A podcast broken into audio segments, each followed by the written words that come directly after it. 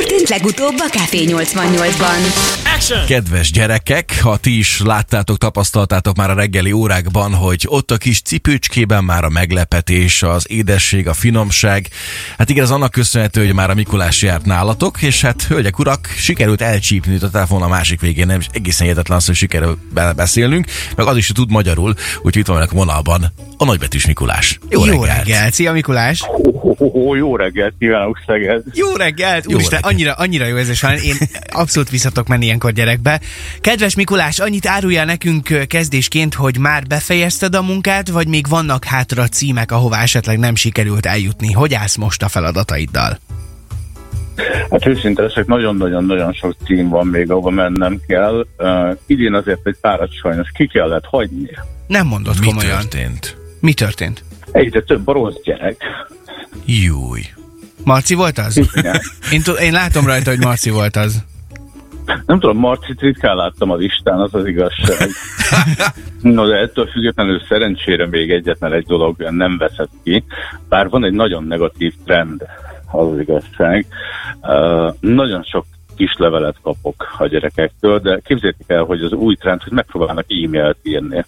Ó, és nem, és nem működik a levelező rendszer, vagy mi a baj? Vagy inkább a papír alapú leveleket szereted jobban, Mikulás?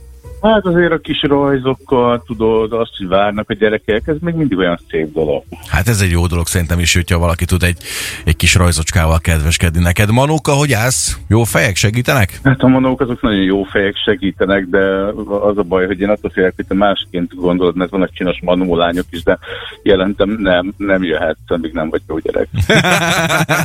nagyon jó. Mikulás, azon morfondíroztunk itt korán reggel, hogy így, hogy most itt Szegeden nincsen hó, így vajon mi lehet a közlekedő eszköz? Ugye valószínűleg nem a szán, viszont hát nyilván a lovaskocsi nem helytálló kifejezés a rénszarvasok miatt, akkor ez rénszarvasos kocsi? Vagy, vagy minek kell lesz nevezni ilyenkor a, a közlekedési eszközt, amivel közlekedsz? Vagy így is szán, és csak hó nélkül is működik? Alapvetően azért, aki egy picit úgy beleásta magát a mikulásológiába, ennek most már van tudománya, nem tudom, hogy tudjátok el. Nem, ez teljesen Utána nézünk is.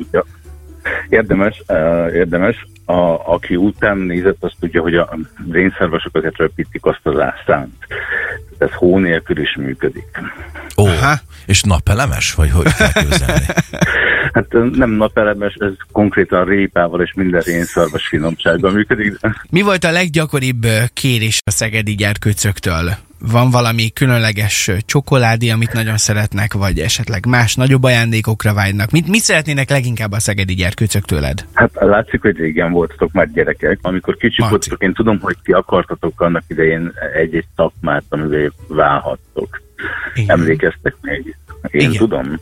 Én nagyon kiskoromban képzeld, de térképész szerettem volna lenni, csak aztán ez megbukott valahol félúton a földrajztudomány. És sajnos nem mondhatom el, hogy mi akartam lenni. Maradjunk annyiba, hogy utána eltévedtél. Hát egy kicsit igen. De nem bánom a rádiózást egyáltalán, félre ne érts, Mikulás. Viszont a gyerekek általában ezekkel a szakmákkal kapcsolatban kérnek ajándékot. Érdekes módon nagyon sok markolót és darut kellett idén kivinnem. Azt oh, a mindenit, igen, akkor ez igen. nálatok is, ugye? Képzeld el, hogy ez, az, az, akkor jó sikerült meg betalált Mikulás bácsi, mert hogy nálunk a kisfiam például, ő is ilyen munkagép fanatikus, úgyhogy konkrétan egy bobkettel lepted őt meg, és nagyon szépen köszönjük. Na most én úgy emlékszem, hogy ő kapott, te viszont nem nagyon csomagot. Hát ő ezt most már harmadjára mondott, hogy nem kapok semmit, pedig még egy picit vártam volna, hogy hát esetleg valami becsúszik.